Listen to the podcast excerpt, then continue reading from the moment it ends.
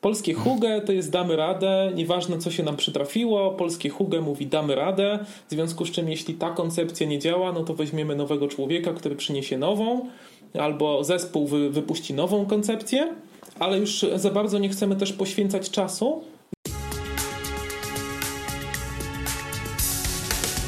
To jest podcast na zdrowie organizacji, którego celem jest dzielenie się ideami wspierającymi firmy w rozwoju. Cześć! Witajcie na kanale podcastu Na zdrowie organizacji. Tutaj rozmawiamy z moimi gośćmi o tym, jak mądrze rozwijać firmę. Nazywam się Maciej Sasin i jestem konsultantem rozwoju organizacji, ale także trenerem i coachem. Wspieram firmy w osiąganiu dojrzałości biznesowej. Pomagam im przechodzić kryzysy w rozwoju. Moją misją jest budowanie zaangażowania pracowników. Do podcastu zapraszam trenerów, konsultantów, menedżerów, właścicieli firm, czyli wszystkich tych, którzy mają doświadczenie w przełamywaniu ograniczeń, które towarzyszą rozwojowi każdej organizacji. Zapraszam do słuchania, obserwowania i komentowania. Macie Sasin. Cześć. Witaj w 65. odcinku podcastu Na zdrowie organizacji. Z tej strony Maciej Sasin, Akademia Rozwoju Kompetencji. Tym razem gościem odcinka będzie Mariusz Palutkiewicz, czyli Pan Pomysł, e, konsultant, z którym poznaliśmy się na LinkedIn przy okazji wydania e, mojego e, poradnika, narzędziownika checklisty dla biznesu. Od tamtej pory mamy dosyć fajny, intensywny kontakt, czy to w social mediach, czy już teraz nawet na żywo. A z Mariuszem rozmawiamy na temat tego, e, w jaki sposób e, wesprzeć innowacyjność firmy, jak nie popełniać błędów i co zrobić, żeby te nasze innowacje rzeczywiście przyniosły pożądany skutek. Pewnie nikogo nie zdziwi, że w temacie zdrowia organizacji po raz kolejny już w tym podcaście poruszam temat innowacyjności jako temat bardzo ważny dla organizacji w każdym czasie, w każdym etapie rozwoju firmy. Od samego początku po dojrzałość, po te momenty kryzysowe w rozwoju firmy. Zanim zaproszę do rozmowy z Mariuszem, przypomnę, że w poprzednim odcinku mówiłem na temat e, budowania zaangażowania pracowników. E, to była checklista Proactive Tools oparta o narzędziownik checklistę dla biznesu, który właśnie świętuje swój rok na rynku. E, a tymczasem zapraszam do wysłuchania rozmowy z Mariuszem, gdzie poruszamy oprócz tematów związanych z innowacyjnością, rozmawiamy też na temat Danii i tej kultury specyficznej narodu, który jest jednym z najbardziej szczęśliwych narodów na świecie, jeżeli nie najbardziej. A że Mariusz jest wielkim fanem Danii, także tutaj kilka rzeczy nam opowie o kulturze e, duńskiej. Natomiast na koniec chciałem jeszcze przypomnieć o tym cyklu Protest Songi. Dzisiaj zamieszczam ostatni utwór e, z mojego demo. To jest e, utwór finałowy Mam jeszcze wiarę. E, a tymczasem zapraszam do wysłuchania 65. odcinka podcastu na zdrowie organizacji z Mariuszem Palutkiewiczem, czyli Panem Pomysłem. Dobrego odbioru. Cześć Mariusz, witaj w kolejnym odcinku podcastu na zdrowie organizacji. Witaj serdecznie Macieju, miło Ciebie gościć, mimo że pogoda jest gorąca, myślę, że emocji nie zabraknie. No też mam taką nadzieję. Mariusz, e, znamy się z LinkedIna, tam się poznaliśmy, jakoś tak się złożyło chyba, że chyba Ty do mnie pierwszy napisałeś e, w kontekście checklist dla biznesu. Właśnie dzisiaj jest w ogóle rocznica chyba, czy w, czy w tym zeszłym tygodniu była rocznica wydania książki, można powiedzieć. E, zaoferowałeś Ty też swoją pomoc i zainspirowałeś do tego, żeby ją przetłumaczyć na język angielski, także melduję Ci, że jest przetłumaczona na język angielski. E, I no, ale powiedz coś więcej o sobie, bo może część osób, na pewno część osób się nie kojarzy. Powiedz, czym się zajmujesz, jaka twoja krótka historia? Okej, okay, zanim przejdę do tego coś o sobie, to przede wszystkim gratulacje. No, rok, rok książki to już coś znaczy, to jest raz. A dwa, faktycznie e, checklisty gdzieś tam e, nas spięły na LinkedInie. No ja przede wszystkim jeśli miałbym powiedzieć coś o sobie, to y, można by to określić słowem sprzedaż i pomysł. E, czyli najpierw opracuj pomysły, a później sprzedaj. Zajmuję się sprzedażą od lat 17, y, 16. I to jest coś, co mnie kręci. Uwielbiam budować relacje, uwielbiam ludzi. To chyba kwestia też e, e, ekstrawertyka, który gdzieś tam we mnie siedzi. No i to jest coś, co po prostu przełożyłem pasję, czy też coś, co jest takiego organicznego na, na, na życie zawodowe, czyli trochę taka praca marzeń. A więc przede wszystkim współpracę w biznesie i działania w okolicy budowania relacji i sprzedaży. To jest coś, co, czym się zajmuję. Na LinkedInie profil Pan Pomysł. To jest takie gorące miejsce, gdzie spotykamy się ze znajomymi, rozmawiamy i tak jak i my się poznaliśmy przy okazji Twojego projektu. Bardzo sobie cenię tą przestrzeń w social mediach. Pozwala, pozwala dotrzeć do ciekawych ludzi takich jak Maciej Sasin chociażby. Dziękuję. A powiedz, bo, bo mnie interesuje ten temat e, związany z tym panem pomysłem. W ogóle rozwin co, co to znaczy dla ciebie pan pomysł. No bo ja rozumiem, że, że wprowadzasz pomysły w, do sprzedaży, można powiedzieć. Tak? Tak, tak sobie to interpretuję. Ktoś ma pomysł, a ty pomagasz mu go zmaterializować. Tak. To znaczy pomysły, powiem ci, że ja mam akurat e, tak w życiowo, że mm, trochę taki, e, może nawet od lat szkolnych, taki pomysłowy Dobromir, gdzie jak nie, nie było wiadomo jak co wykonać, to, to, to ja zawsze miałem jakieś ciekawe pomysły i, i odjechane idee. Natomiast ten pan pomysł się zrodził e, tak po prostu wyszło to organicznie. Patrząc na siebie w lustro stwierdziłem, no jak mógłbym się scharakteryzować w dwóch słowach, no bo w social mediach i w świecie cyfrowym należy e, jakieś tam krótkie słowa kluczowe mm, i jakoś się nazwać. E, no i to tak przyszło po prostu, e, spłynęło do mnie. No przecież pan pomysł, skoro całe życie zajmujesz się pomysłami, e, całe życie mm, to ta kreatywna strona bierze górę nad, nad każdą inną w życiu zawodowym, no to, to tak po prostu przyszło, przyszło do mnie któregoś wieczoru i tak zostało. Pan pomysł to po prostu kraina pomysłów, czyli coś, coś dla każdego. Okej, okay, wiesz co, bo mm, dzisiaj rozmawiamy w kontekście oczywiście budowania zdrowych organizacji, ale yy, zanim yy, przejdziemy już do, do konkretów, to chciałbym zapytać Ciebie e, o Twoją y, ideę zdrowia organizacji, no bo jak domyślam się, e, chyba zdrowa organizacja u Ciebie to bez e, pomysłów nie, jest, nie funkcjonuje. Dokładnie tak. E, wiesz co, jak myślę sobie o haśle zdrowa organizacja, to przede wszystkim dla mnie to jest e, organizacja otwarta na dyskusję. To znaczy mhm. organizacja, w której um, nie mamy prezesa dyktatora, czy też zarządu dyktatora, albo zespołów z dyktatorem w roli głównej, tylko taka organizacja, w której zespoły ze sobą porozumiewają się, tworzą przestrzenie do burzy mózgów, tworzą przestrzenie do takiego działania właśnie projektowego. Mhm. No i potrafią e, przede wszystkim e, rozwiązywać konflikty, bo jeśli ktoś powie, że w naszej organizacji nie ma konfliktów, jesteśmy ze sobą zgrani i w ogóle żadnych nie ma problemów, no to znaczy, że tutaj wychodzi nam jakaś dulszczyzna i zamiatanie pod dywan. Mhm. A więc Maluje trawę na zielono. Dokładnie tak. Zdrowa organizacja to taka, która potrafi rozmawiać o sukcesach i, i o porażkach. To chyba mhm. dla mnie taka definicja. Wiesz co, ale jak się spojrzy na różne, różnego rodzaju wyniki badań w organizacjach, na tyle, na ile zmiany są doprowadzane do końca, czy projekty innowacyjne czy są doprowadzone do końca, no to e, różne badania pokazują, że nawet w niektórych to nawet 80-90% tych pomysłów nie jest doprowadzane do końca. No powiedz, e, jak to się dzieje, co stoi na przeszkodzie, żeby często dobre pomysły no, zmaterializować i przełożyć je na, na sprzedaż tak naprawdę. Mhm. To ciekawe, co mówisz. E, faktycznie tak się dzieje. E, I ja mam na to swoją taką prywatną, własną teorię, ponieważ e, w polskich organizacjach ogólnie zarząd czy też grupa menedżerów, która, która prowadzi projekt, ma wytyczne, cel musi być szybko osiągnięty. Mhm. I to parcie na szybkie osiągnięcie celu powoduje moim zdaniem, że te pomysły nie są doprowadzane do końca. Dlaczego?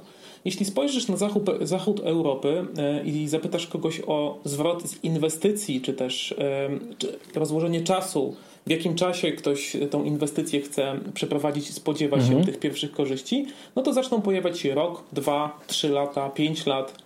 I jest to jakby taką normalną sumą funkcji i, i, i, działań, które następują, a w Polsce jest parcie na szybki sukces. No i w mhm. mojej ocenie, w momencie, kiedy się pojawią pierwsze sukcesy z pomysłów, to po prostu zarzucane jest wykończenie tego pomysłu, e, gdzie często ta druga część pomysłu, czyli w momencie, kiedy dojdziesz do pierwszych sukcesów, a później masz to skalowanie, po prostu do tego nie dochodzi, bo po pierwszych mhm. sukcesach e, coś się zadziało, mamy ten, e, mamy ten e, feedback taki e, związany z, czy z przychodami w sprzedaży, czy z jakimiś wartościami dla na przykład budowania marki.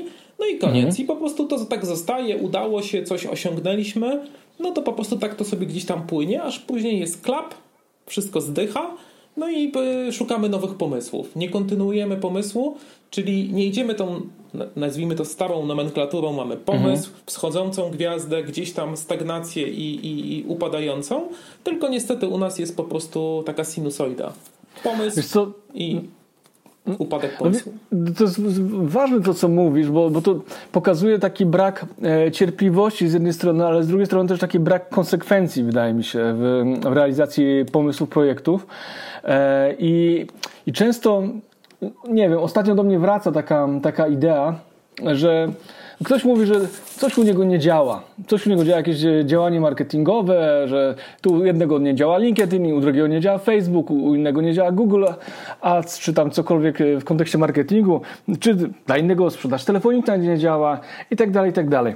Więc tak w kontekście sprzedaży. Ale tak, tak naprawdę e, bardzo często jest tak, że nie działa, no bo nie było to e, przygotowane albo, albo dobrze przygotowane, nie, nie wyciągnęło się wniosków z błędów, albo po prostu, y, no źle to po prostu wdrożono. Tak? I tak. jakby już od razu na całej linii jest to temat spalony, czyli jakbyśmy nie próbowali jakby pivotować, zmieniać troszeczkę kierunku, sposobu chociażby prowadzenia rozmów, e, tylko, tylko mówimy, aha, okej, okay, nie ma sprzedaży, to bez sensu, to wrzucamy reklamę do, do, do radia, do telewizji albo do gazety. Czyli tak. wracamy do, do, wiesz, do starych metod. Coś w tym jest chyba, co? popatrz na to w ten sposób jeszcze, to, to właśnie e, jest kwintesencja, bo e, w Polsce ucina się etapy e, analityczne, bo szkoda na to budżetów, i etapy testowania pomysłów czyli mhm. te takie eksperymentalne. Woli się puścić na tak zwany żywioł jeśli jest sukces sprzedażowy, no to kontynuujemy, bo się przecież sprzedaje, jak już jesteśmy przy tym e, koncepcie e, sprzedażowym, ale w momencie, kiedy poprawnie przetestujesz i poświęcisz trochę czasu i wydasz trochę środków z budżetu na przetestowanie chociażby ceny, przetestowanie wartości dodanych do produktu za tą cenę i tak dalej, i tak dalej, to posiadasz jakieś modele. I w momencie, kiedy jeden model przestaje działać lub spada jego skuteczność, możesz wdrożyć drugi czy trzeci, który masz już gotowy.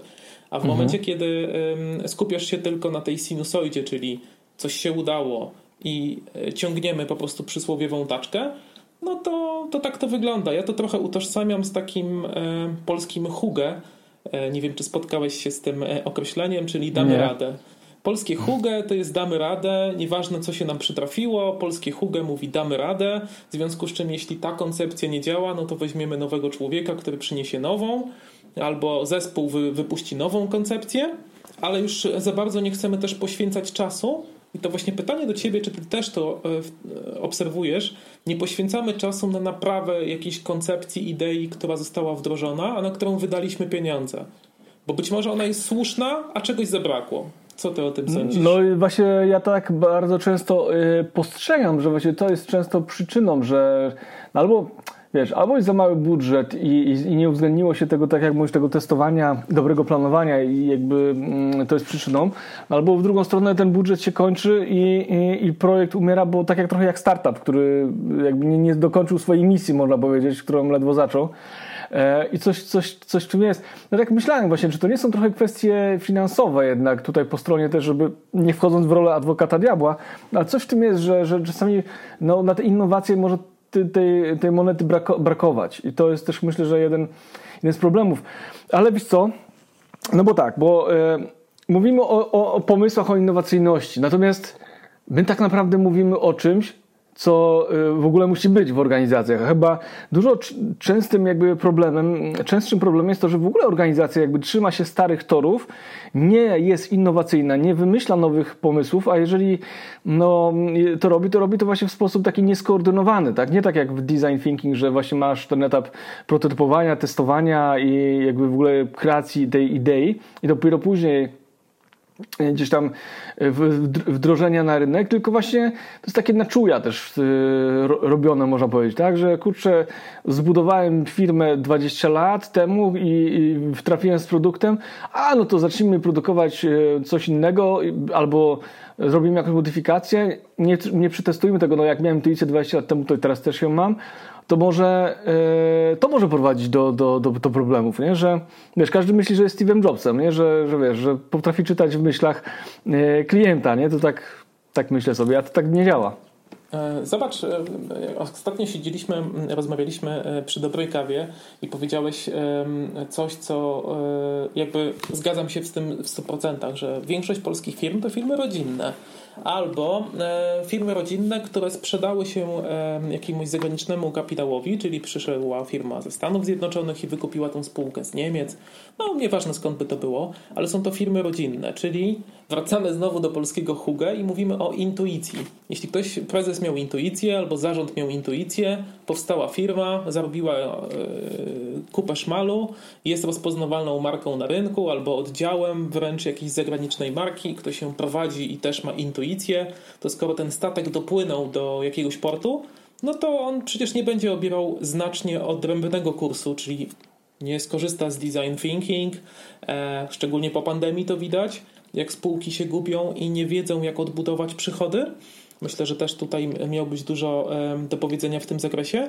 A dodatkowo, jeśli pojawiają się i mają fajnych ludzi w zespołach, bo bardzo często tak jest, to ich nie dopuszcza się do głosu. I ta koncepcja nie jest w stanie się przebić nie? przez tą mhm. intuicję. Czyli wracamy do Twojej koncepcji zdrowia organizacji, jako takiej, w której no, trzeba wykorzystać pomysły, wszystkie ręce na, na, na pokład i wykorzystać potencjał pracowników do tego, żeby rzeczywiście mm, angażować. I to jest akurat zbieżne z moim podejściem do do budowania w ogóle zaangażowania pracowników, że gdzie te opinie od pracowników, o ich pomysły, ale też opinie o pracy i o firmie no są, są kluczowe do tego, żeby, że tak powiem, e, organizacja mogła się dalej e, rozwijać. No dobra, to a jakbyś ty, ty, mi odpowiedział na pytanie, co, ja już trochę powiedziałem, z twojej perspektywy masz przecież swoje ciekawe doświadczenia. Dlaczego jednak jest tak, że polska gospodarka, polskie firmy nie słyną z innowacyjności? Nie? Czy to jest, no wiadomo, już mówiliśmy o firmach rodzinnych, ale myślę, że Chociaż to też się podobno zmienia, że te polskie oddziały firm zagranicznych też już zmieniają swoją rolę mm, tak jakby w, jakby w strukturach, że nabywają coraz większego znaczenia, ale to jest jakieś tam chyba raczej jaskółki niż, niż jakaś taka stała, mm, czy jakiś, jakiś taki konstans, nie? czy jakaś trwała zmiana. Ja mam, e, wiesz co, Baćku, tutaj pod tym kątem taką takie swoje studium badań na ten temat, bo, bo ten temat mnie też bardzo ciekawi. Na przykład dlaczego polskie firmy e, tak późno lub tak rzadko decydują się na ekspansję zagraniczną. Mhm. Czyli czekają z tym naprawdę do jakiegoś takiego poziomu rozwoju, gdzie zasadniczo mogliby już mieć całą gamę produktów na różnych rynkach i dopiero, dopiero wchodzą na zewnątrz. No i to, co powiedziałeś, czyli mm, organizacja e, e, i jak to e, przebiega, jeśli chodzi o, o, o podział w ludziach. Tutaj jeszcze bym dołożył swoje 5 groszy do tego, że jeśli mamy 100% budżetu, to warto, jeśli nawet nie wierzymy w tą ideę i nie chcemy po prostu e, jej procesować na szeroką skalę, tylko 5% poświęcić na sprawdzenie jej, czy przypadkiem to 5% nie stanie się 100%, no bo tak naprawdę ci to nic nie kosztuje. Te 5% możesz zawsze uciąć z każdego budżetu marketingowego, który chcesz wdrożyć i to nie, nie spowoduje, że projekt się w jakiś sposób przesunie w czasie. No ale właśnie, dlaczego yy, tak to wygląda? Moim zdaniem jest to niestety pokłosie starych czasów. My mamy cały czas kompleksy. Jesteśmy mhm. tym krajem e, niestety i, i to znowu wraca i ja wiem, że e, nie wszyscy się pewnie słuchacze też tego podcastu z tym zgodzą, ale stare czasy i blok Europy Wschodniej mamy cały czas kompleks tego, że jesteśmy niedoskonali i mhm. jeśli popatrzymy na badania psychologiczne i socjologiczne, jak wielu menadżerów i ogólnie ludzi w Polsce ma problem z perfekcyjnością.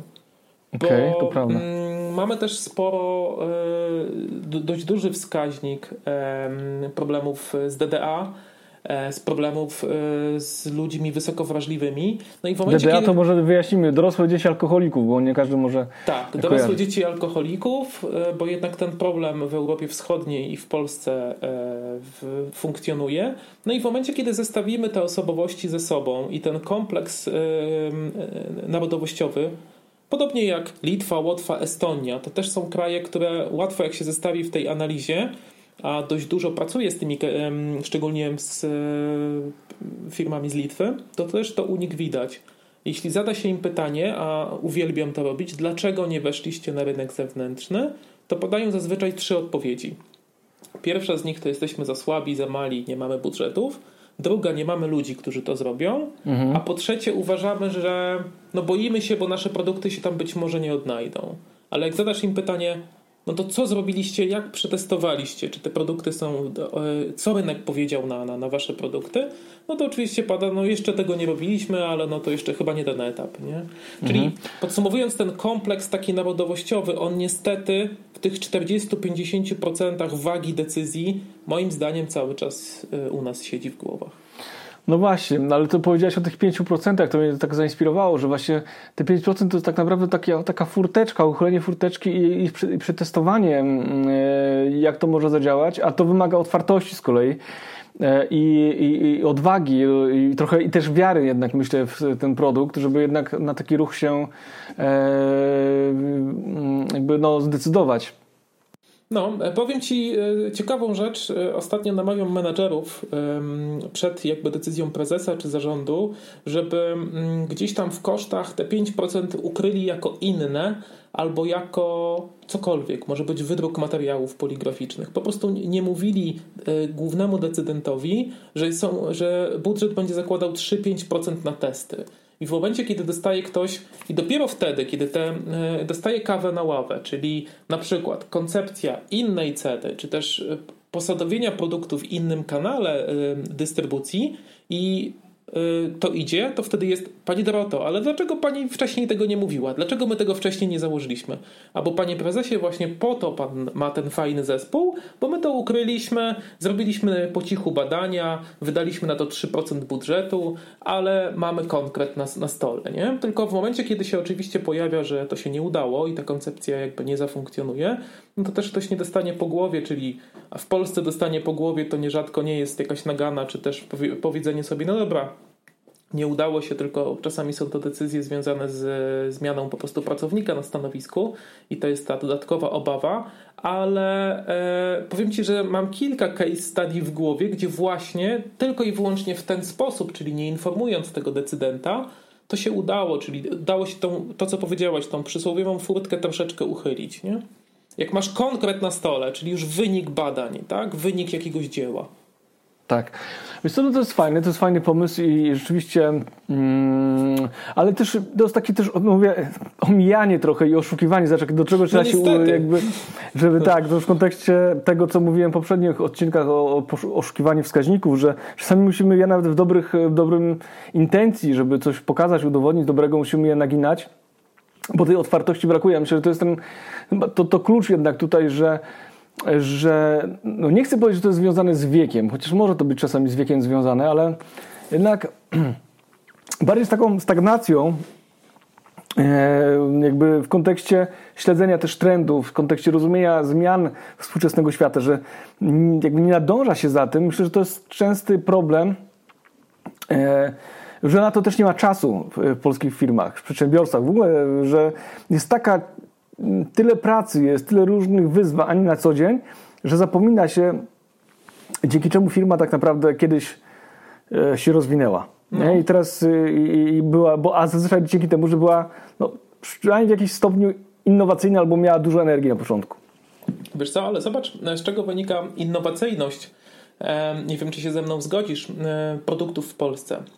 Zazwyczaj innowacyjność w latach 90. i 2000 w Polsce produktów polegało na tym, że bierzemy produkt z zagranicy. Stany Zjednoczone, Zachód Europy, e, czy też e, bierzemy sobie produkt z Azji, czyli kopiujemy coś, co na świecie powstało. I to jest e, jakaś tam część innowacyjnych produktów w Polsce. Niewiele jest takich koncepcji, które e, mm, narodziły się u nas i wyprzedzają rynek, czyli są tym przysłowiowym Steve'em Jobsem. To jest zazwyczaj kopiowanie. Kopiowanie tego, co gdzieś nasz świat już wymyślił i przenoszenie tego w realia polskie. I zobacz, w momencie, kiedy masz korporację, firmę produkcyjną, czy też firmę e, produkującą jakieś usługi i inne rzeczy, która miałaby coś od podstaw wymyśleć i nie ma tego powodów do zaufania, e, tego wskaźnika reason to believe, że ktoś to kiedyś wyprodukował, sprzedał i na jakimś rynku to odniosło sukces. I to jest moim mhm. zdaniem jedna z kotwic, dlaczego ta innowacyjność nie jest na takim poziomie jak chociażby w Czechach, gdzie e, można policzyć e, nie tylko na palcach jednej ręki, ale jest w wielu dużych miastach są inkubatory przedsiębiorczości, jak i u nas. Tylko u nas się to skupiło na dotacjach, a tam faktycznie próbuje się coś wynaleźć. Tylko widzisz, mhm. to jest. Wracamy teraz też do tej poprzedniej kwestii, bo jeśli nie wynajdziesz, no to co? W Rosji idziesz na białe niedźwiadki, E, na Białorusi nie będę tu wymyślał, e, jaka kara czeka i co, co komuś zrobią, a w Polsce tracisz robotę albo po prostu mhm. tracisz stanowisko lub tracisz jakiś taki prestiż w organizacji, jeśli ci nie wyjdzie. Bo jak ci parę razy nie wyjdzie, no to w końcu po to próbujesz i coś, próbujesz innowacyjnego zbudować, żeby ci też parę razy nie wyszło, nie? Bo z tego mhm. też się biorą e, fajne pomysły. Tak, no trochę, trochę, trochę jakby podsumować, że szybko, w Polsce szybko się traci twarz i zaufanie tak naprawdę do pracownika, tak. który nie odnosi sukcesu, tak jakby nie było przyzwolenia na popełnianie błędów, czyli tak jakby ta osoba od razu była skreślona jako niekompetentna, y, taka, która nie do końca ogarnia temat, jest nieprofesjonalna, a no jednak bardzo często w tych projektach innowacyjnych, tam gdzie wchodzą w grę E, no, nowe produkty, nowe, nowe usługi albo używanie nowych narzędzi e, takich marketingowych, to jednak ten margines e, błędu musi być. I, i jest, no, trzeba dużo nauczyć, znaczy dużo ciosów przyjąć na, na, na, na klatę, żeby, żeby później mm, no nie wystrzeli za pierwszym razem tak naprawdę, no, nie? nie? Znaczy nie może wyjść za pierwszym razem. Wiesz, jeśli ci coś wyjdzie na pierwszym razem, to znaczy, że się udało, trzeba to zanalizować dlaczego. Rzadko kiedy wychodzi za pierwszym razem, to bardziej chodzi o to, że nawet jak przygotowujesz koncept, zobacz, jakbyśmy w tej chwili wymyślili sobie, że wymyślimy nazwę na jakiś produkt, to tych nazw się pojawi 30, 50 lub 20 i coś skreślimy, coś wybierzemy. A w momencie, kiedy mm, mamy jakiś duży projekt, duży koncept, no to yy, no powiem ci, że yy, rzadko w mojej karierze się tak, tak zdarza, że pierwsza koncepcja zadziała. Tylko, no znowu, początek naszej dyskusji. Jeśli nie dopuszczasz do drugiej, trzeciej, czwartej koncepcji, no to i ten lęk przed niekompetencją, czy też przed popełnieniem błędu, za który się karze u nas w Polsce, e, no niestety moim zdaniem ogranicza możliwości menadżerów, bo oni gdzieś tam po cichu, jakbyśmy się spotkali przy kawie e, czy przy innym napoju, to ta kreatywność jest wysoka, tylko czy dostaniesz zielone światło na jej wdrożenie? Mhm. No właśnie, ja, ja mam takie wiesz co, poczucie, że że bardzo często energia jest w organizacji, bo ja się spotykam, znaczy w ogóle taki był mój pomysł na, na, na, na napisanie książki właśnie, do budowania zaangażowania pracowników. Ja to odkryłem, że bardzo często na szkoleniach ludzie są bardzo kreatywni, mają świetne pomysły, ale kwitują często, ale u nas to nikt się na to nie zgodzi, no ale to u nas to nie przejdzie, tak. ale to nie jest pomysł szefa, więc on pewnie trudno będzie go do prze, e, przekonać do tego. I tak dalej, i tak dalej, więc gdzie to szybko się wyłapałem w tym, że ta e, kreatywność jest gdzieś naturalnie blokowana, a bardzo często, e, tak jak mówię, ostatnio mówiłem o tych wskaźnikach, które się oszukuje, ale nie wspomniałem tak naprawdę o tym, że czasami oszukuje się, ale też w takim pozytywnym sensie, że żeby coś zrobić, e, żeby ominąć jakieś mm, głupie, że tak powiem, rozwiązania, które aktualnie są w firmie, e, albo e, tylko jakieś konflikty, albo jakieś, jakieś nieskuteczne metody działania, no to wtedy się nagle pojawia jakiś pomysł, żeby to obejść, tak jak ty chociażby podać ten przykład 5%. 5%, nie? No to jest tak. taki, wiesz, takie po prostu, no w sumie Nikt tego nie zauważy, ale to już, to już jest jakieś oszustwo małe, nie? No jest, no ale żeby, tak, jest. Dokładnie, ale to pokazuje właśnie, jak my musimy e, kombinować, jak sobie robimy pod górkę, e, jak wiele możemy tracić. No, ale zobacz, e, jeśli znowu wrócimy do tej koncepcji, że jeśli mielibyśmy tę organizację zdrową, zdrową tak na każdym etapie, czyli nie karzesz za błędy, doceniasz za sukcesy, a jak ktoś popełni błąd i przyniesie rozwiązanie tego błędu i jeszcze to wdroży, to w ogóle jest gloryfikowane, bo tak być powinno, bo to buduje tą taką samodzielność. No i tutaj też właśnie można by parę rzeczy dołożyć co do samodzielności też pracowników, no bo im mniejsza firma lub, e, mniejsza, lub firma zarządzana centralnie przez jednego z głównych menedżerów, e, który nie, nie pozwala też podejmować wielu takich pobocznych decyzji, no to to też zabija tą kreatywność. Mhm, tak. Natomiast stawiając jeszcze klawarę a propos kreatywności, ja też się bardzo często spotykam szkoląc z narzędzi design thinking albo po prostu opracowując komuś pomysły. Niech pan to powie wiesz, dostaje listę pomysłów, ale niech to pan wrzuci do swojej listy, to wtedy szef to klepnie albo menadżer to klepnie, bo jak ja to powiem, to nie przebije się. Nie? Jezu, jakie to jest przyraczające to, co powiedziałeś, bo ja też się z tym spotkałem już i powiem szczerze, e, zapomniałem o tym, ale ale dokładnie to jest niesamowite, że jak ktoś z organizacji e, e, powie o czymś, to zostanie to nieusłyszane, a jeżeli ktoś przyjdzie z zewnątrz, jakiś konsultant, jakiś autorytet, to jak się to powie, to, to nagle to urasta, no tak, oczywiście my to wiemy, trzeba działać, nie? To pewnie, że tak. No. To jest piękne.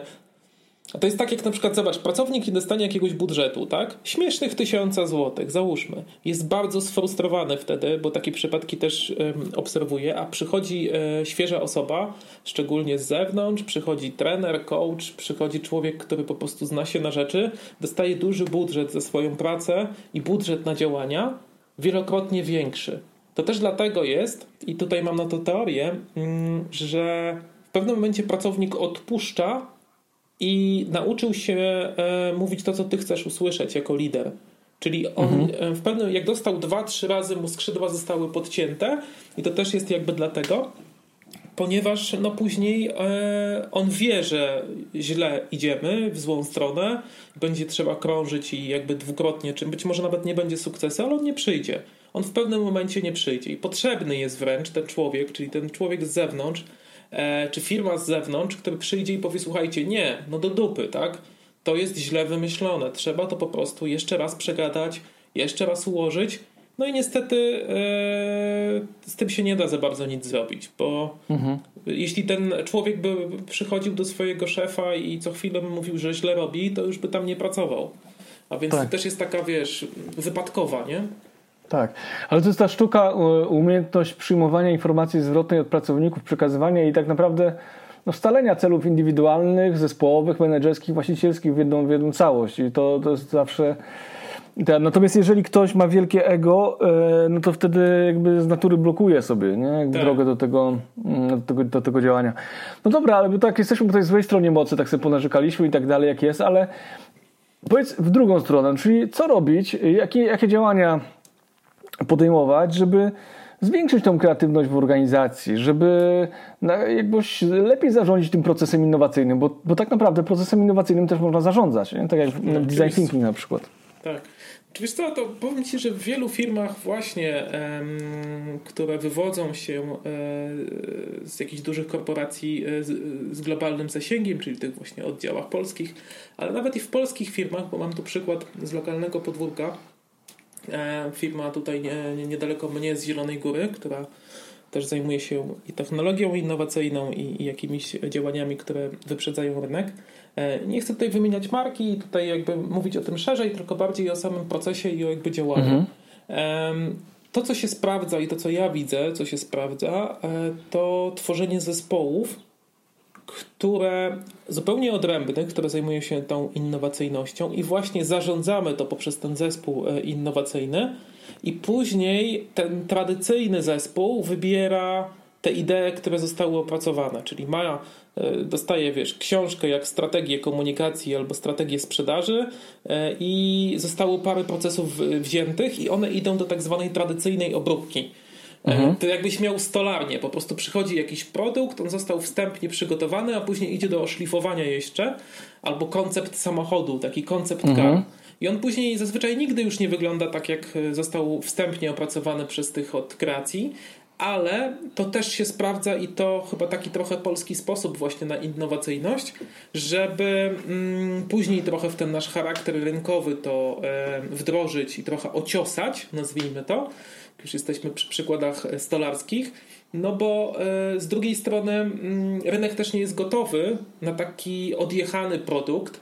I wtedy, i właśnie, i, i gdzieś tam jeszcze wracając do początku dyskusji, jeśli firma byłaby gotowa na ekspansję, to nie za, zobacz, nigdy nie jest powiedziane, albo często się zdarza tak, że organizacja e, jakaś, e, weźmy sobie markę, nie wiem, niemiecką, nie zawsze wypuszcza mhm. produkty na swój rodzimy rynek A my zawsze tak. testujemy produkt na rodzimym rynku. Jak on się przyjmie, to puszczamy go za granicę. Jest oczywiście mnóstwo przykładów firm, które potrafią to świetnie robić i właśnie szyją produkt innowacyjny i tą innowacyjność sprzedają na zewnątrz, a polski rynek jak do tego dorośnie, stawiając kropkę, to wtedy. I to jest właśnie mhm. coś, co premiuję i coś, co lubię, jeśli chodzi o polskie firmy z tym innowacyjnym portfelem, nie? Tak, no to takie ciekawe, no, ciekawe podejście w summa summarum.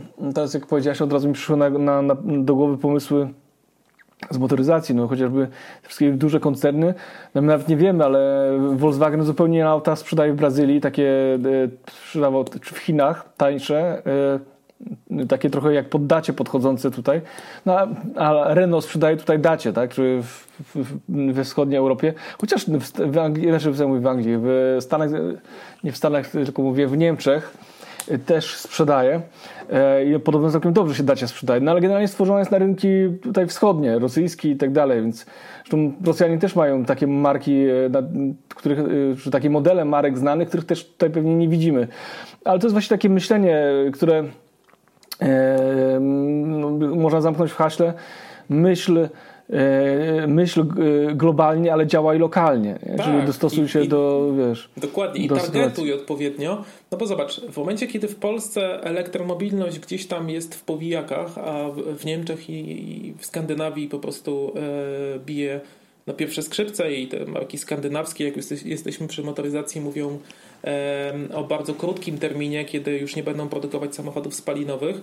Ta elektromobilność gdzieś tam powoli wkracza też do Polski, no to właśnie jeśli masz jakiś fajny produkt, no to przecież możesz sprzedać czy licencje, czy prawa autorskie, czy dowolnie w każdej możliwej sposób, bo jest to prawodawstwo też trochę łatwiejsze, no nie zawsze, ale przyjmijmy, że tak jest, właśnie na zewnątrz, czyli podsumowując, nie jest też tak, że musisz produkować coś pod nasz polski rynek. Zawsze możesz, jeśli masz fajny pomysł, to nie ukilaj go w organizacji. Po prostu wypuść go albo znajdź ludzi, którzy znajdą na świecie miejsce, gdzie ten produkt się świetnie przyjmie. No właśnie, jak mhm. jakiś pick-up daci albo dowolny inny samochód, czy nawet usługa, czy produkt spożywczy, który rynek pokocha. I e, mhm. niekoniecznie w Polsce, prawda? Tak. A no, myśl globalnie, produkuj lokalnie, to też jest e, ciekawa inicjatywa. No, no, dokładnie. A powiedz, bo mówiłeś o, tym, o tej grupie y, innowacyjnej w organizacji. No, nie każda firma, y, taka MŚP zatrudniająca wiesz, od 20 do, do tam 100 pracowników, nie każda może sobie pozwolić, żeby taką grupę czy, czy dział rozwoju sobie stworzyć. Jakie miałbyś tutaj pomysły, rekomendacje dla tych mniejszych firm, żeby pobudzić tą kreatywność i innowacyjność? E, powiem Ci, że mm, mi brakuje w polskich firmach i wielu swoich klientów do tego zachęcam. E, I tutaj e, taki trochę szalony przykład będzie z branży rolniczej, który, który działa w Polsce, ale to w tej naszej szerokości geograficznej socjologicznie się sprawdza i zaraz do tego wrócę. Chodzi o to, że kilka firm z tej samej branży, w momencie, kiedy nawet są wprost konkurentami, ale załóżmy, mhm. że są to płatki śniadaniowe i te płatki śniadaniowe e, marki XYZ wstawiasz do różnych sieci handlowych, konkurujesz ze sobą ceną i tak naprawdę wpływasz marketingiem i, e, i działaniami w social mediach i, i w każdym kanale na tego konsumenta. Ale de facto możesz opracować nową technologię i wszyscy z niej mogą korzystać. Bo de facto w momencie, kiedy pojawia się nowa technologia na rynku, to wcześniej czy później czy ma skala innowacyjności 10 najwięcej, czy 0, czy 1, to i tak później dostajesz do niej dostęp. Ok, ktoś na niej przez chwilę zarobi więcej, a inna firma po prostu i tak później tą technologię będzie mogła zdobyć, tak? Albo skopiuje, tak jak Chińczycy Albo tak, robią. no właśnie chciałem powiedzieć, albo skorzysta z chińskich, z kolegów z Chin i po prostu kupi jakiś tam zamiennik. No ale wracając do meritum, e, warto łączyć siły.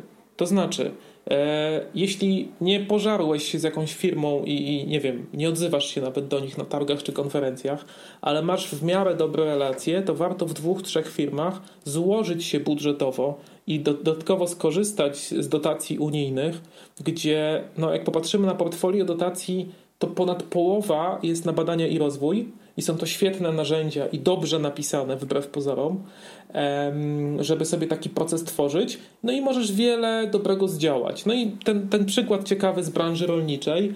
E, około 15-17 lat temu nasz przemysł, który produkuje jabłka pod Grójcem, mhm oni ze sobą tak. bardzo kon e, konkurowali w momencie, kiedy droga S do Radomia y, zaczęto ją budować i, i tam y, Gdakia zaczęła, y, chyba Gdakia tutaj nie jestem pewien, odkupować działki, no to oni już wieńczyli koniec branży i w ogóle upadnie polskie jabłko i tak dalej, ale gdzieś znaleźli ponad podziałami ten wspólny język, no i udało im się zbudować kilka spółdzielni, czyli podziałać wspólnie i to samo później zrobiła branża związana z produkcją warzyw pod szklarniami. No i właśnie kilkunastu producentów produkuje, ma lepszą, e, silniejszą markę, silniejszy brand. No i właśnie mogą e, tak jak w przypadku rolniczym, kupować maszyny i, i, i móc więcej, mieć większą produktywność i wydajność, a ta produktywność i wydajność poprzez innowacyjne technologie, jeśli dwie, trzy firmy IT albo dwie, dwie trzy firmy z dowolnej branży FMCG ym, połączą siły właśnie na badaniach i rozwoju, to wszyscy mhm. na tym skorzystają porówno wbrew pozorom i tutaj nie ma sensu robić wyścigu zbrojeń, tylko warto właśnie współdziałać, nie? Jest to bardzo, bardzo fajna idea, ale wiem, że jesteś zafascynowany e, Danią.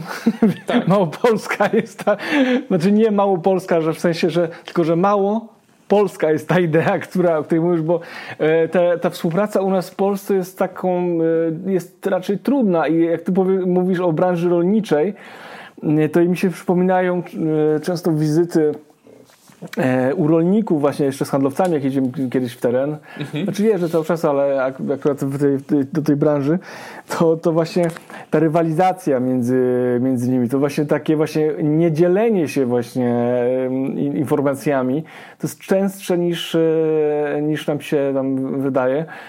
Właśnie, tylko w, w, imię czego? Nie? W imię tego, że, żeby sąsiad miał troszkę gorzej niż, niż my, albo że miał podobnie, a tak naprawdę idąc dalej można byłoby współ, współdziałać. Widzisz, na przykład widzę tak dużą, dużą efekt synergii, jak współpracuję sobie z innymi firmami szkoleniowymi też i nie jesteśmy, nie rywalizujemy ze sobą, dzielimy się często projektami współpracujemy, a nawet wiedzą się sobie dzielimy. klientów przecież, no e, Dokładnie, dokładnie polecam na, w grup, grupach trenerskich innych trenerów e, i, i, dla mnie to jest ok.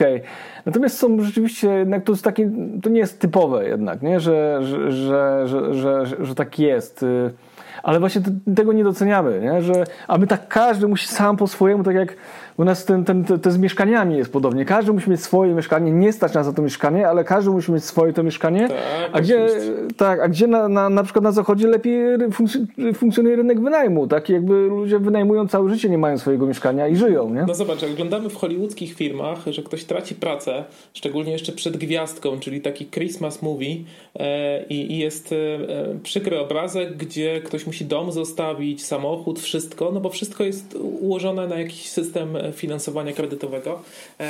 No ale z drugiej strony to też jest tak, że e, to chyba jest znowu konsekwencja jakby wschodniej Europy, gdzie my musimy mieć swoje, bo jak nie masz swojego, nie mieliśmy tych mechanizmów od samego początku, nazwijmy to po, przemianach, e, w związku z czym mogłeś mieć albo swoje, albo wcale, bo kredyty były tak drogie, odsetki 40% i tak dalej, ja to pamiętam, w związku z czym to się w ogóle nie opłacało. A jak ktoś miał mechanizm leasingu w ogóle wszedł do Polski i y, patrząc na zachód Europy też to troszeczkę inaczej wyglądało. A więc no, to chyba tak zostało u nas, że tak. albo masz, albo nie masz, nie? Tak, ale powoli, powoli ta ekonomia współdzielenia też jakby dóbr też zaczęła nas w Polsce funkcjonować. Myślę, że to też ma przyszłość, ale my trosz, troszeczkę, znaczy wynajmu długoterminowego, jeżeli na przykład chodzi o samochody, gdzie powiem szczerze, mówię, jak, jak prawdziwy Polak, jak usłyszałem o idei wynajmu samochodu, to teraz powiedziałem, w Polsce to się nie przyjmie. No, ale powiedziałem to dobre 10 lat temu, no i, no i wiesz, no i oczywiście nie miałem racji, nie? No ale wiesz, jak już mówimy o tych e, miłości do Duńczyków, to opowiem Ci e, przykład gdzie oni na przykład w Kopenhadze, mam e, tam mnóstwo znajomych, no i oni mają na przykład, e, kupują sobie Tesla na 5 rodzin, nie? no bo de facto nie potrzebują tego samochodu y, mieć ciągle. Jak jadą w daleką podróż, to samolotem. E, no i mają ten jeden samochód i tam sobie przez apkę po prostu udostępniają dostęp do tego samochodu. No i ktoś tam bierze z garażu i jedzie, nie? To jest w mhm. Polsce. Znam też parę przypadków i mam też znajomych, którzy w podobny sposób korzystają w Warszawie, ale e, no jeszcze jesteśmy na taką koncepcję nie do końca gotowi, bo mamy tam przecież w tym samochodzie E, bo zapytałem o co chodzi, osobiste rzeczy. To co ja mam za każdym razem wyjąć tą swoją szminkę i jakiś tam, wiesz, dezodorant z tego samochodu, a może mam tam krem na hemoroidy i się wstydzę, nie? No, no to wiesz co, ja, ja, ja pracując w serwisie samochodowym, e, to zauważyłem, że po prostu ludzie traktują swój samochód jako po prostu in, kolejny pokój w mieszkaniu. To jest jakby no, dom na kółkach. Tak, i to, to nie, tak. nie, salon, do którego czasami ktoś przychodzi, tylko sypialnia, nie? To jest w ogóle tak, tak intymne jest... miejsce, że ja mam na przykład... No problem z tym, że e, ktoś mi przestawia fotel na maini albo w serwisie i mówię, jak już musicie przestawić mi ten fotel, o ile nie mam w danym modelu e, pamięci ustawień, no to w ostateczności. No ale to są, wiesz, takie mm, ustawienia, które wygodnie ci się po prostu jedzie i przez setki kilometrów po prostu masz to ułożone, nie?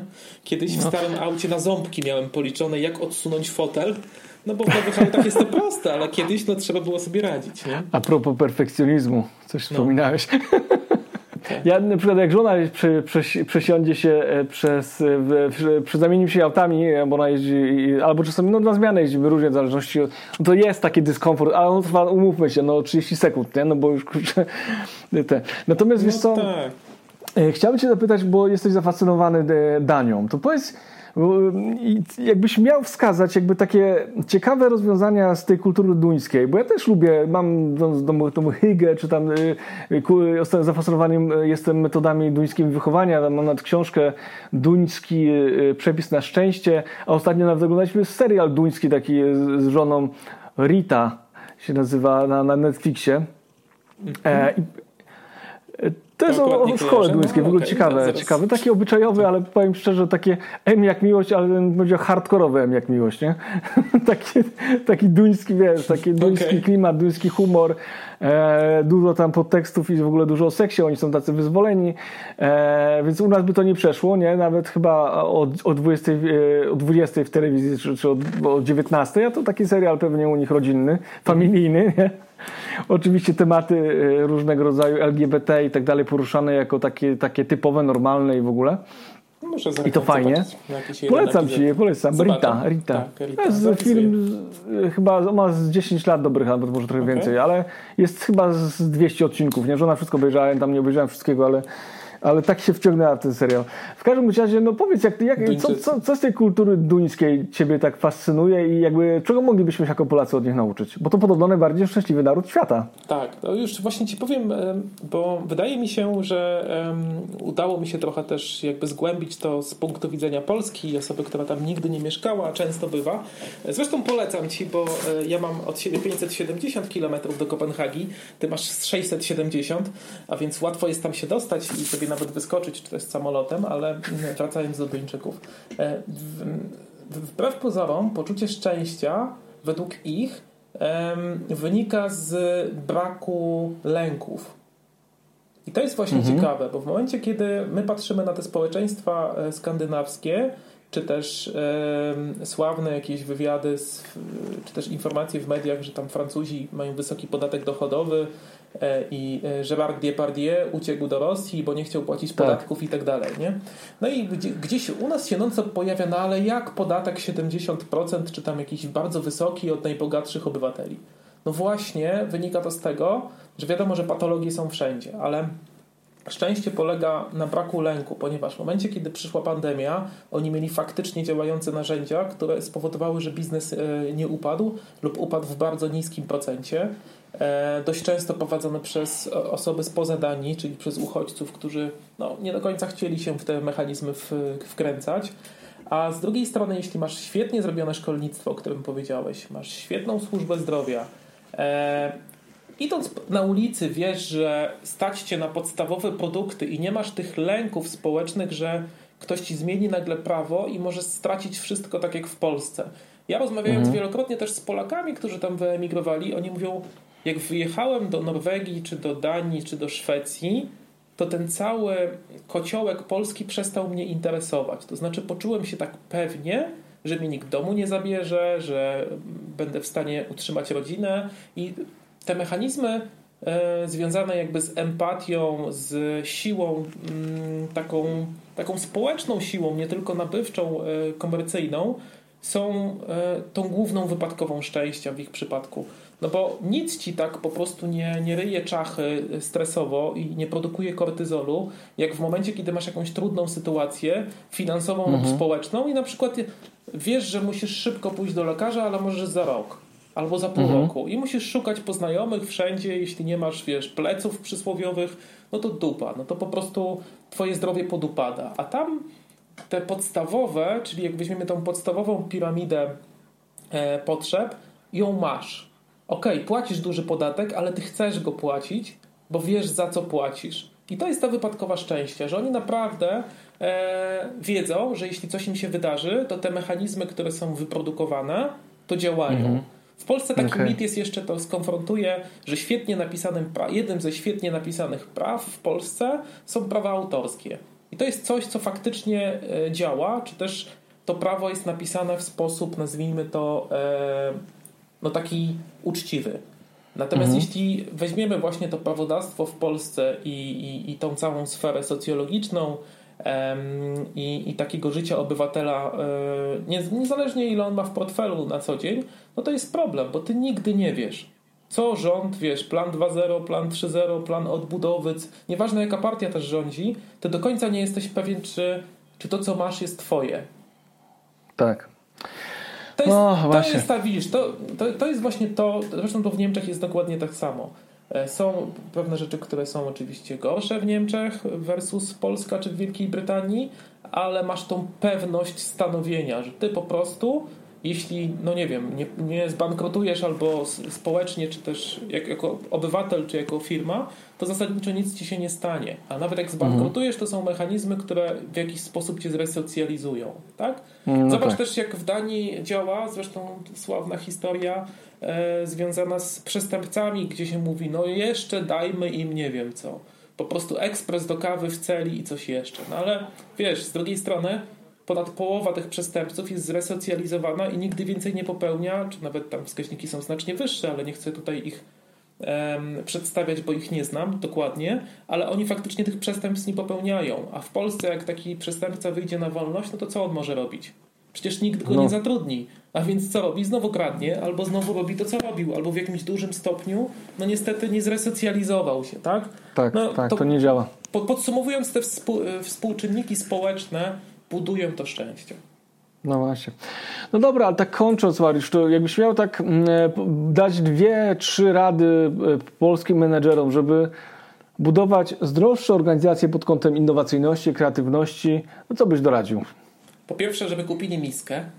Miskę, taką zwykłą miskę, i czasami wlewali do niej zimną wodę i robili w ten sposób. Ja taką miskę posiadam. Jak nie wiem, co zrobić, albo nie mam pomysłu, lub chcę obudzić kreatywność, to wlewam lodowatą wodę i wsypuję tam jeszcze kostki lodów. Od, odginam e, spodnie garnituru, zajmuję skarpetki i wkładam tam nogi. Po dwóch minutach masz po prostu czystą czachę i możesz pomyśleć. Powiem ci, to jest genialny sposób, który polecam każdemu. Naprawdę działa. Chodzi o to, żeby się oderwać, a zbyt rzadko jeździmy na wakacje. Tak? Czyli to prawda. Bierzesz tą michę, robisz sobie krioterapię i po prostu faktycznie, zobacz, Finowie mają saunę, na wschodzie Europy też jest sauna, czyli po prostu idziesz w miejsce, gdzie nie wracasz do domu, ale w jakiś sposób masz ten e, wentyl. To jest pierwsza moja rada. Druga rada jest taka, żeby słuchać ludzi i jednak tą intuicję zostawić do podjęcia finalnej decyzji, ale jednak słuchać i dopuszczać do głosu, e, bo no, nie musisz wszystkiego wiedzieć. Tak? W Polsce jeszcze się e, zwykło mówić, że no jak jest już menadżer i wysokiego szczebla, a może nawet operacyjny, a jak jeszcze ma ten magiczny skrót z C na początku, czyli jest CTO albo CMO mhm. albo CEO, no to przecież mhm. on musi wszystko wiedzieć. No nie. On jest osobą, która potrafi zebrać dane i potrafi podjąć faktycznie decyzję, tak? On nie musi wiedzieć. On zasadniczo przecież żart, który chodzi, um, jaki mam budżet, tak? Przychodzi prezes, trzeba zbudować blok. No to ilu mam ludzi i jaki mam budżet, tak? No jeśli potrafisz zarządzać, no to właśnie słuchać ludzi, tak? To jest tam druga rada. No a trzecia rada to przede wszystkim wstyd. My musimy pokonać wstyd.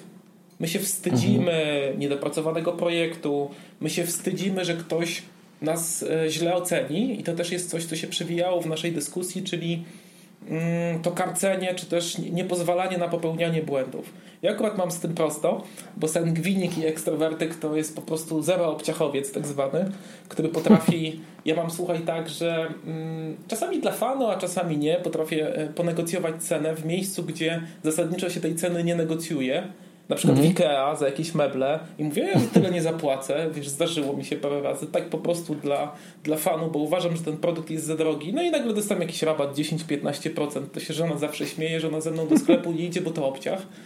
Jak masz to załatwić i koniec. Ja w ogóle nie, no, nawet nie, nie podchodzę, tak? Nie będę się wstydzić za ciebie. No ale tak jest. Po prostu ten wstyd no. trzeba pokonać, nie?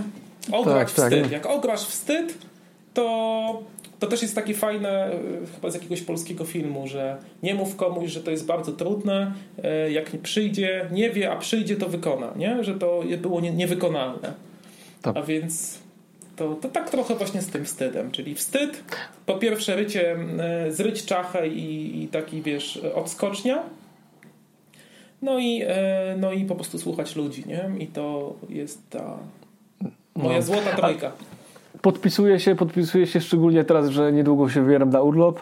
E, to właśnie mam zamiar e, od, odreagować, no ale nie ukrywam, że dla mnie skoczem jest muzyka i jakby ta muzyka mi tak recytuje banie, że, że po prostu ale jest niesamowite. Ale to jest twoja miska, Maciek, to jest twoja miska. To jest, to jest moje, tak, to jest moje, tak. Chciałem powiedzieć, że miska jest takim czymś e, symbolicznym, można powiedzieć, ale właśnie chodzi tak. o to, żeby że nawet są badania naukowe, które pokazują, że najlepsze pomysły przychodzą wtedy do głowy, kiedy jesteśmy zrelaksowani, a jak gonimy cały czas w kółko, to po prostu no, Jak nie masz czasu trudno. włożyć nogi do zimnej miski, no to no, nic nie wymyślisz, tak? W przenośni rzecz mówiąc.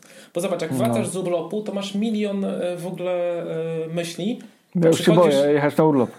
Przychodzisz do biurka i mówisz, Jezu, no nie no, no dobra, muszę maile tak sprawdzić, inne rzeczy i nagle połowę energii wytracasz. No tak, tak, to prawda. Mariusz, dzięki wielkie za to, że byłeś gościem, za to, że się podzieliłeś bardzo ciekawym spojrzeniem i tą e, podejściem właśnie między innymi o, do, do, do kultury duńskiej i ciekawymi pomysłami. E, no i cóż, no, działamy dalej, widzimy się, e, współpracujemy, więc e, fajnie. Widzimy się też na mm. LinkedInie i pod komentarzami. E, od dzisiaj ja będę nazywany obłąkanym panem pomysłem, bo trochę szalona strona e, ze mnie wyszła podczas rozmowy, ale ja lubię, lubię, wiesz co, pokazywać kogoś, kim naprawdę jestem, a nie zakładać maski i też cenię Ciebie za to i też bardzo Ci dziękuję za zaproszenie do podcastu, bo no nie zakładasz tej maski i nie, i nie, robisz, wiesz, instagramowego zdjęcia z piękną kawką i z czymś tam i pokazujesz po prostu przestrzeń, która nie istnieje, jest taka trochę iluzoryczna, tylko po prostu nazywasz pewne rzeczy w swojej książce, którą też lubię i stosuję na co dzień, też jest dla mnie pewną inspiracją. No właśnie wprost, że jest narzędzie, stosuj go, i przełóż go na siebie, tak? Dla mnie to jest y, clue. No, dokładnie. Dzięki, dzięki Mariusz. E, wszystkiego dobrego. Dzięki serdeczne, słyszymy się i widzimy. Pozdrawiam też Twoich słuchaczy i do usłyszenia. Już teraz naszych, dzięki. Dzięki, hej.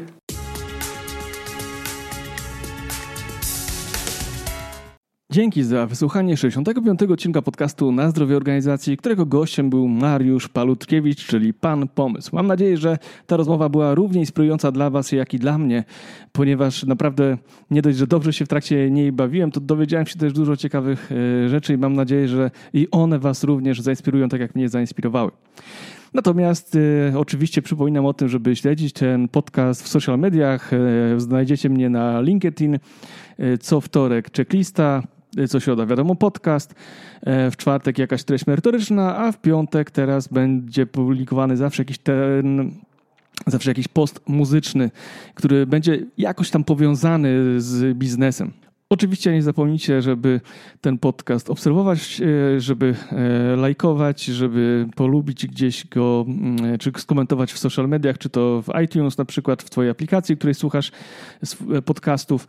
No i teraz zapraszam już do wysłuchania finałowego utworu z płyty demo Protest Songi, która nazywa się Mam jeszcze wiarę. Utwór ma notabene 20 lat, powstał w takim trudnym dla mnie momencie życia, kiedy miałem mały epizod depresyjny i no to był tak naprawdę moment, w którym zacząłem wychodzić i wtedy ta piosenka wypłynęła ze mnie, nie ją napisałem. I pamiętam jakąś późną, wieczorną porą, gdzie ten optymizm zaczął się we mnie e, budzić i wzrastać. W takim razie zapraszam do wysłuchania piosenki pod tytułem Mam jeszcze wiarę. Dobrego odbioru. Na zdrowie organizacji Maciej Sasin.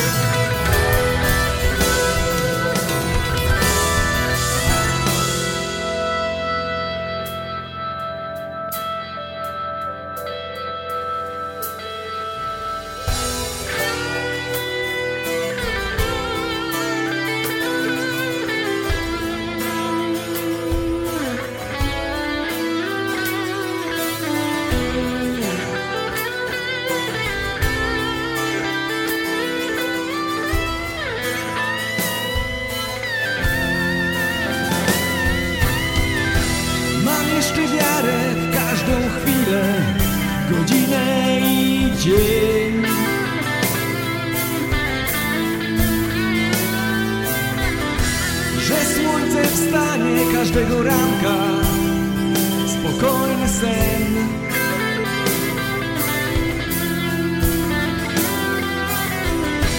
Dopóki serce przetacza krople krwi, płomień będzie się tlił.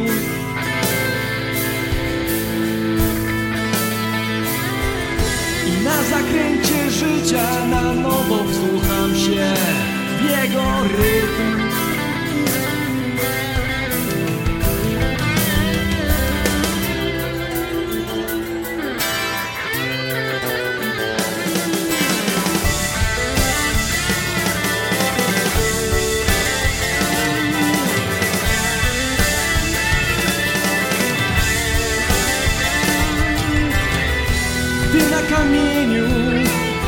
W drodze przysiądę jak dziś.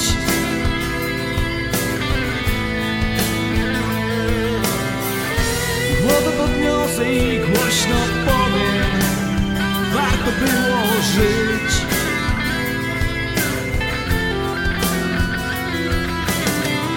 I wiem, że zwątpień cierpka moc zbyt częstym gościem jest.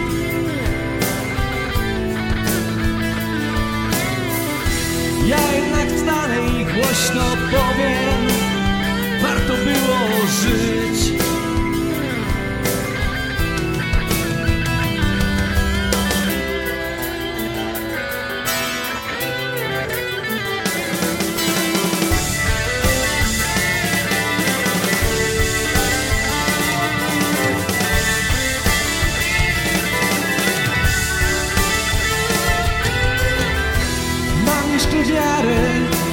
człowieka, w ciebie i mnie.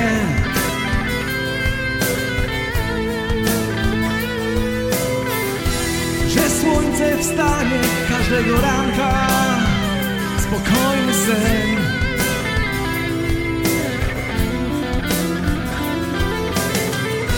Mam jeszcze wiarę w każdą chwilę, godzinę i dzień.